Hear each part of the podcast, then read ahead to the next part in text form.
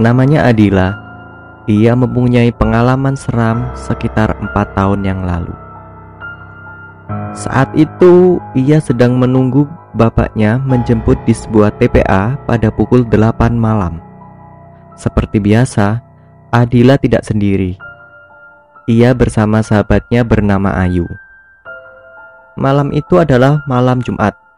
Kata orang-orang yang tinggal di daerah rumahnya, cukup seram. Ada yang sering melihat makhluk gaib. Tapi Adila memang anak yang kurang begitu percaya tentang hal seperti itu.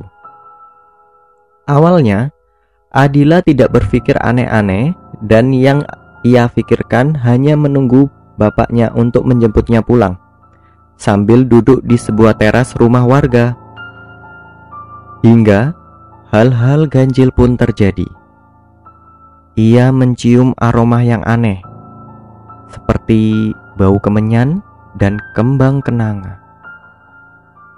Adila pikir hanya ia saja yang mencium aroma yang aneh tersebut. Ia bertanya kepada temannya, "Yuk, kamu nyium aroma yang aneh nggak?" Ayu langsung menjawab, "Iya, udah dari tadi aku nyium bau ini, bau kemenyan, tapi diem aja. Malah kamu yang nanya." Adila menjawab lagi, "Iya nih, jadi merinding aku." Selang beberapa menit, Pak Ustadz datang menghampiri mereka. Loh, kok belum pulang?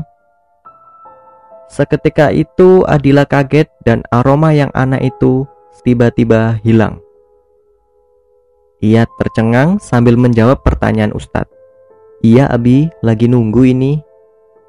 Kemudian Ustadz itu menjawab, ini kan malam Jumat, mungkin ada yang yasinan. Kemudian Ustadz itu pun pergi. Yuk, kok baunya tadi hilang ya?